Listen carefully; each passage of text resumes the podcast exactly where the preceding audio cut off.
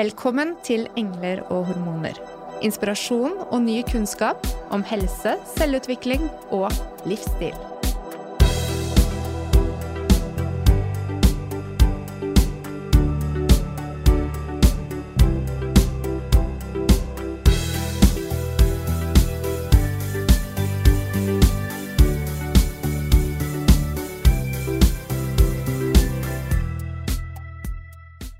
Hei! Hei, Ingvild. Nå sitter vi i studio igjen, og vi er klare for å lage nok en soloepisode om nettopp kvinnehelse. Og denne gangen så er det tema bekkenleddsmerter i svangerskap. Og hvorfor er dette så viktig å løfte frem, Mona? Det rammer jo veldig mange, Mm. i større eller mindre grad. Eh, Tallene spriker jo mellom 20 til 70 av eh, alle gravide kvinner, eh, og i løpet av svangerskapet.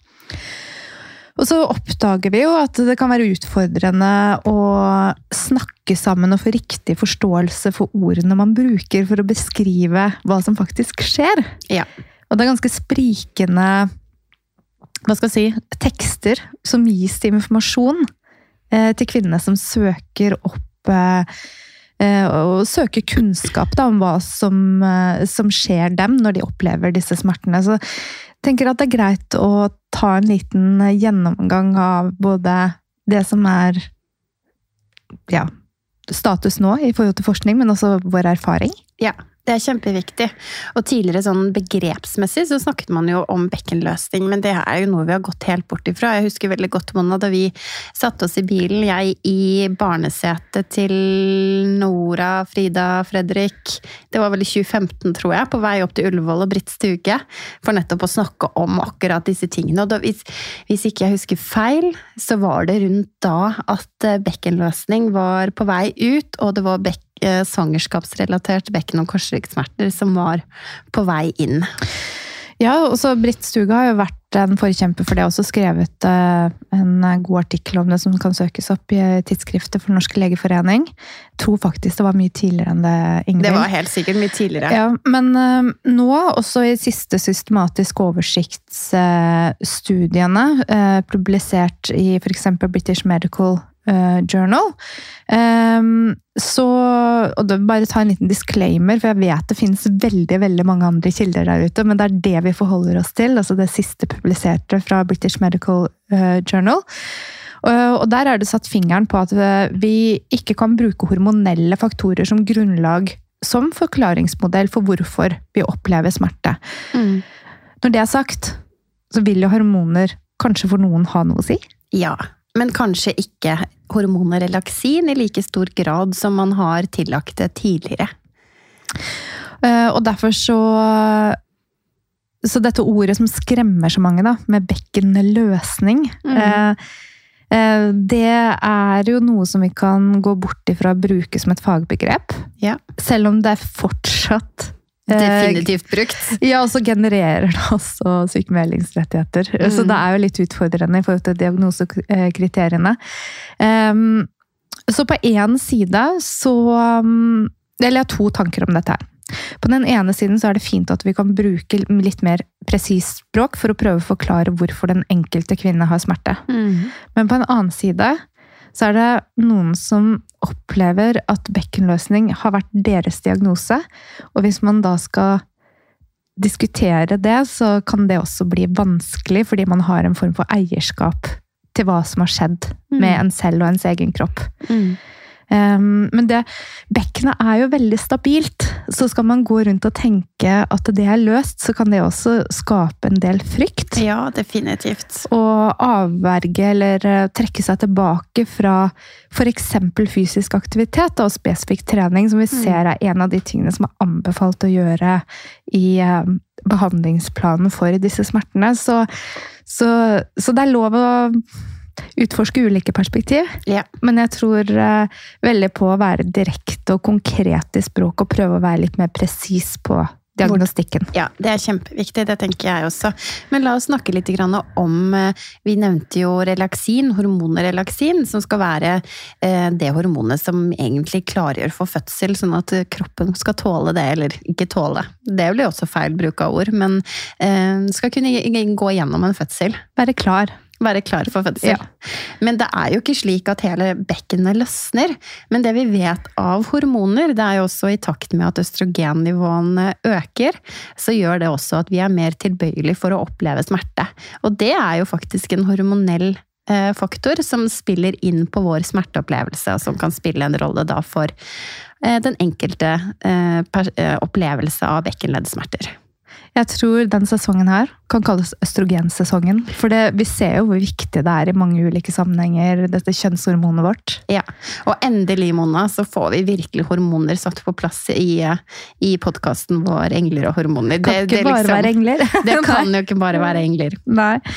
Men um, eh, det som jeg tror kan være greit når vi snakker om bekkenleddsmerter i svangerskap, er å snakke om hva og hvor bekkenet egentlig er. Ja. Fordi um, hvis vi skal være presis, så bør vi egentlig kalle det bekken og eller korsryggsmerter. Ja.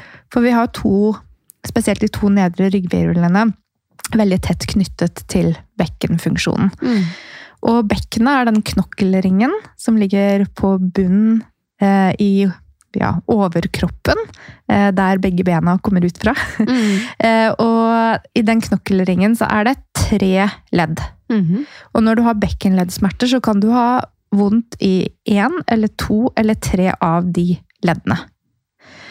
Og så har jeg også veldig lyst til å påpeke at det er ikke bare leddene som gir smerte i bekkenet. For man kan bli litt låst eh, til å lese tekster der det fokuseres veldig mye på bekkenleddsmerter, smerter, med å ikke glemme at det er andre strukturer som Mm. også genererer smerte i bekkenet. Og en presis undersøkelse og klinikk er viktig for å kunne lage en behandlingsplan. Ja. Det er veldig mye ligamenter, støttestrukturer, bindevevstrukturer, og ikke minst veldig mye muskulatur også i dette området her. Og bare som en sånn liten fun fact, så er jo faktisk en del av eh, leddkapselen til eh, IS-leddene, altså bekkenleddene våre bak, det er jo primært eh, ligamenter. Og den bakre delen er åpen, så vi har leddkapsel foran, ikke bak. Det Mm. lærte vi på den siste konferansen vi var på. Og i tillegg eh, til eh, disse strukturene så tror jeg må kaste inn sirkulasjon, for det Ja. tror jeg ikke vi nevnte. Nei, det er kjempeviktig. Og særlig svangerskapet. Mm. Fordi sirkulasjonen vår eh, skal helst flyte strukturelt fritt. Eh, Men når vi får tyngre og tyngre belastning og økt trykk ovenfra, så er det mange som rett og slett får smerter i bekkenet av hevelser, Mm. og også variser. Ja. Altså åreknuter i, i, I underlivet. ja, Og det er kjempesmertefullt, og det gjør ekstra vondt når man går. Mm. Og det var jo før altså eh, Smerte ved gange er jo en av de kriteriene som før var den gamle bekkenløsning. Ja. Eh, men det er jo flere årsaker da, til at man kan få smerte når man går. Ja, det er jo det, ikke sant? Og, eh, og så har vi jo IS-leddene, da. Ja. IS-leddene, men jeg mener symfysen. Symfysen. Ja! Enda mer! Enda mer. Enda gøyere! Mm. Ja, den, eh, den opplever jeg som behandler at jeg er ekstra påpasselig med. Både før og etter fødsel. Mm. Eh, fordi eh, symfysen har en litt annen eh, leddstruktur enn IS-leddene. Det er jo ikke et ledd. Det er en amfiartrose. Mm. Mm. Og så er det en Det er ikke én enkelt muskel som går over symfysen og stabiliserer.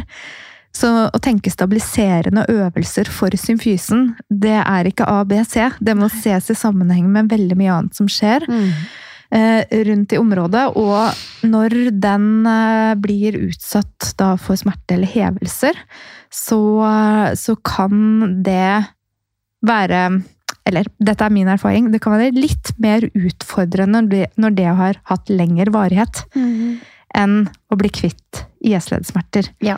Så jeg, jeg merker at jeg får et sånn lite gult flagg ved symfysesmerter, og er eh, kanskje litt mer restriktiv med belastningen der. Ja, Men det som er viktig, det er jo å huske på at for de aller aller fleste så er det sånn at bekkenleddsmerter, enten det er eh, foran eller bak, det går som regel over etter fødsel. Men så er det dessverre for noen slik at eh, det vedvarer over en periode etterpå, og for noen så er det vanskelig å bli kvitt det. Men så er det også det å se på bekkenleddsmerter eh, som multifaktorielt, hvor vi vet at tidligere traumer enten det er mentale eller eh, fysiske, fysiske traumer, har noe å si for eh, utvikling av eh, disse typer smerter. Ja, og faktisk trivsel på arbeidsplassen også. Mm, kjempeviktig. Ja. ja. Eh, og så er det jo en annen ting også. Det er troen på at man kan bli bra. Ja. Det er jo litt som med amming. ikke sant? Har man tro på at man skal klare å amme, så ser man at eh, ammeforekomsten er mye høyere enn hos de som ikke har troen på det. Så du, Man sier jo at tro kan flytte fjell, og det er jo til dels sant. Ja. Eller hva? Jeg har ikke noen spesifikk forskningsreferanse på det, men eh, jeg tror deg, jeg, som jeg pleier å gjøre. Eh, det er det er også veldig viktig sånn å tenke på at når man sier at man kan bli bedre, eller at uh, smerten kan bli bedre, så handler det jo om individuelle valg. Og å ha en spesifikk diagnose som gjelder for deg, og også lytte til egen kropp. Det er kjempeviktig. Um, og litt av frustrasjonen med å lese litt større studier, um, er at bekkenleddsmerter blir sånn satt i kanskje én gruppe, um, og at én behandlingsplan da skal gi en effekt for alle typer smerter. Akkurat som med har du diastase, gjør dette programmet, mm. så blir du bedre. Mm. Det er jo sjelden sånn det fungerer i praksis. Mm. I praksis så har man veldig ulike både behov, også erfaringer og bakgrunn, men også ønsker for fremtiden. Mm. Så det er flere faktorer som spiller inn når man skal legge inn dosering og sette mål og delmål frem imot når man kan sette to streker under at 'nå føler jeg meg bedre'. Ja, og det er jo alltid kvinner vi møter i klinikk som står i sentrum, og derfor er det så viktig at man har en åpen og god kommunikasjon og dialog rundt hva er det som er deres ønsker, og hvor er det de ønsker å komme, også sett opp imot det som skjer etter en fødsel, da, ikke sant? Um, og så har jeg lyst til at vi bare skal snakke litt rundt det, fordi dette med eh, svangerskapet, det, det, går jo sin gang, det. Og magen blir større og større, men det er ikke alltid slik at eh, det er en nødvendighet at smertene skal øke i takt med at eh, vekten øker og magen blir større. Nei, der har vi litt ulike scenarioer. Altså, mm. worst case Jeg lærte når jeg gikk på et kurs en gang, at har du smerte i alle tre ledd, og jo tidligere i svangerskapet det skjer, jo dårligere er prognosene. Mm. Og det kan godt hende det stemmer på et gjennomsnitt på verdensbasis, men jeg har sett igjen og igjen at kvinner klarer å snu denne trenden. Mm. Og det tror jeg det viktigste er, er å gi muligheten til å skape endring. Selv om man er i en fase der kroppen skal få gradvis kanskje mer og mer belastning, hvis du ser sånn tekstbok på det. Mm. Um, så Men jeg vet ikke, Ingvild, hva er dine erfaringer med svangerskapssmerte selv? Du har jo to svangerskap nå. ja.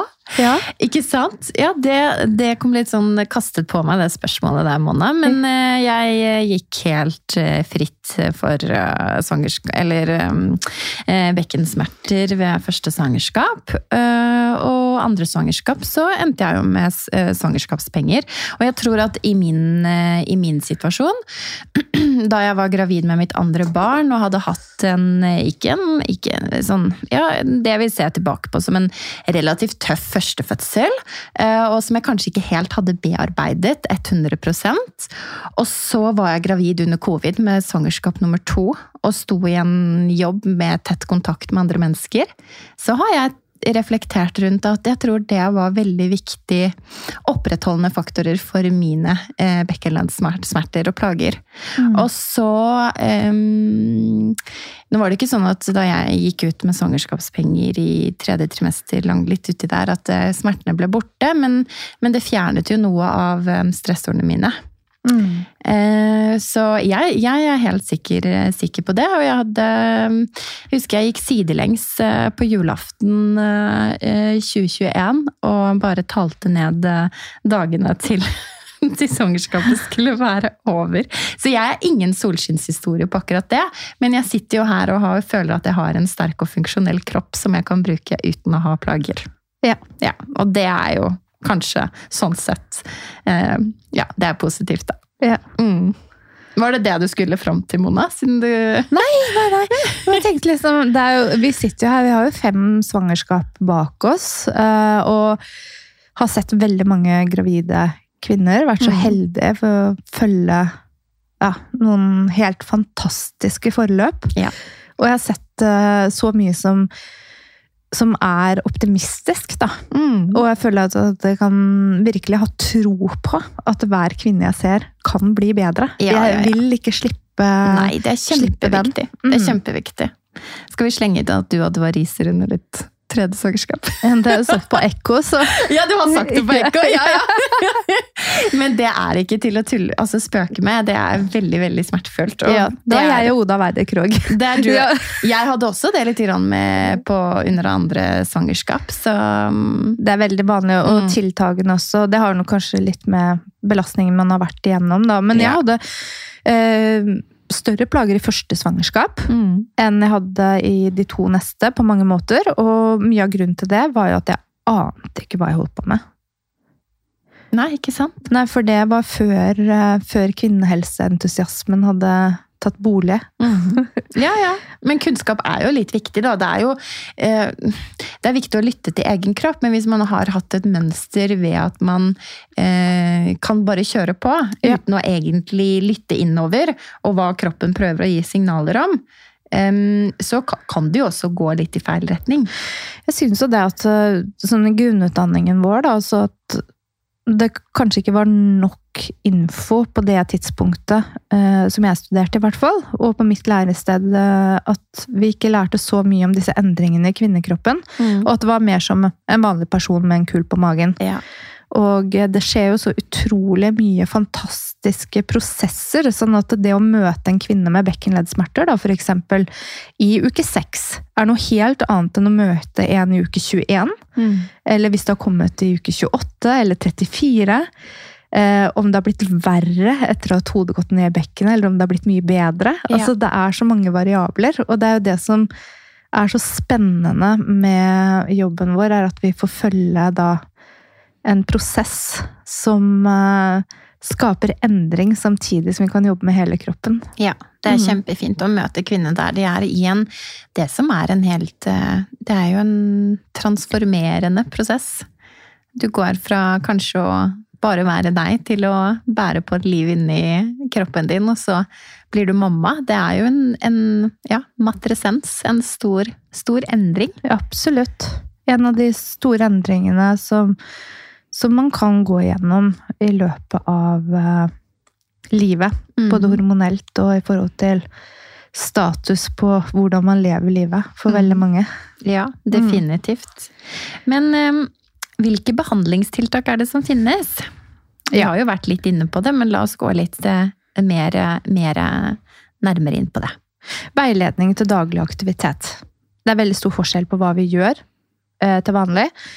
Og mm, det kan være litt eh, mye som går på vane og autopilot. Kanskje i forhold til hjemme, kanskje i forhold til jobb eller transportmetoder. Så det å få en liten gjennomgang og en eh, justering av totalbelastningen, eh, og kanskje nye måter å gjøre krevende aktiviteter på, kan være en viktig del av behandlingen.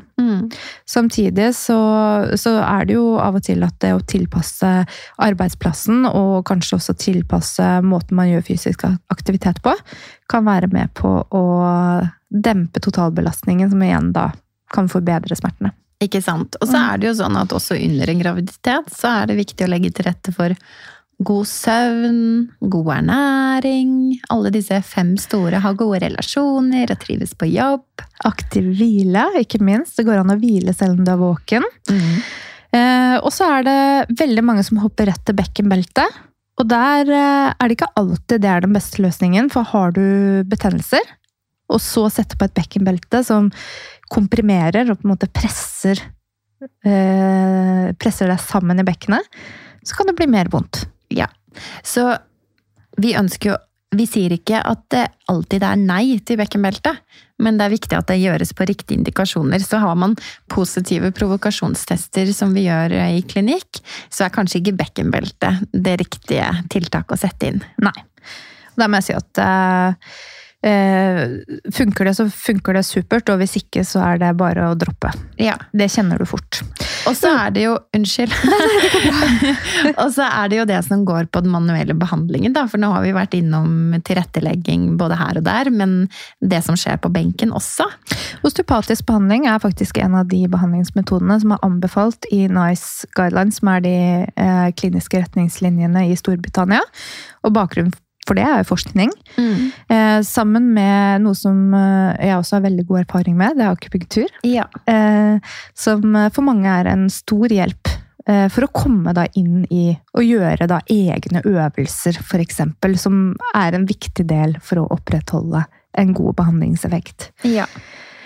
For veldig mange så oppleves det, og dette her er viktig, at det ikke påvirker fødselen. Men at vi hensyntar smerter og er med på å tilrettelegge for gode valg når det gjelder posisjonering og bevegelser inn i fødsel. Ja. Og um, for de aller fleste så vil det da heller ikke være smertefullt etter fødsel, Mm.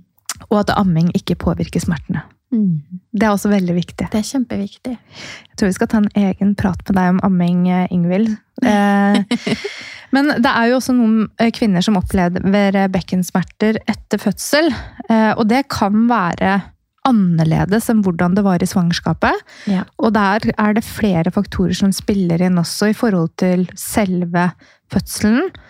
eh, og tiden etter fødsel og bekkenbunns funksjon eller dysfunksjon. Ja. Så, um, så det har vi egentlig snakket om litt i tidligere episoder. Og da tenker jeg altså at eh, det å snakke om bekkensmerter i svangerskap er litt annerledes enn å snakke om bekkensmerter etter fødsel. Ja, det er det, absolutt. Og vi kan jo bare referere til seksukerskontrollen, og at det skal gjøres på en riktig og god og grundig måte, og eh, med, med utgangspunkt i der du er. Og så, for de da som opplever eh, kroniske bekkensmerter, så eh, er det veldig viktig å få god hjelp. Det er også viktig å vite at ikke du er alene, og det finnes en fantastisk støttegruppe i LKB, som har vært gjester på vår podkast, men også nå har startet sin egen podkast, Knutekroppen. Ja. Um, og vi skal ikke undervurdere det å se at man er et fellesskap. Og der tenker jeg, hvis du sitter hjemme nå og har hatt uh, smerter i svangerskapet, men også vedvarende smerter etter fødsel, så anbefaler vi dere å også oppsøke podkasten Knute i kroppen. ja. Så bra. Har vi gått gjennom det meste nå, eller Mona? Jeg tror det. Vi blir aldri ferdig å snakke om dette her. Nei, det gjør vi ikke. Men eh, jeg tror dette var fint som en introduksjon og som en sånn sammenfattelse. Og eh, har du lyst til å vite mer, så gjerne ta kontakt med oss gjennom sosiale medier. Så skal vi eh, prøve å veilede deg så godt vi kan. Vi har lyst til å snakke med dere, fordi dere er jo inspirasjonen vår. Både på Mm. benken, som kollegaer og gjennom sosiale medier.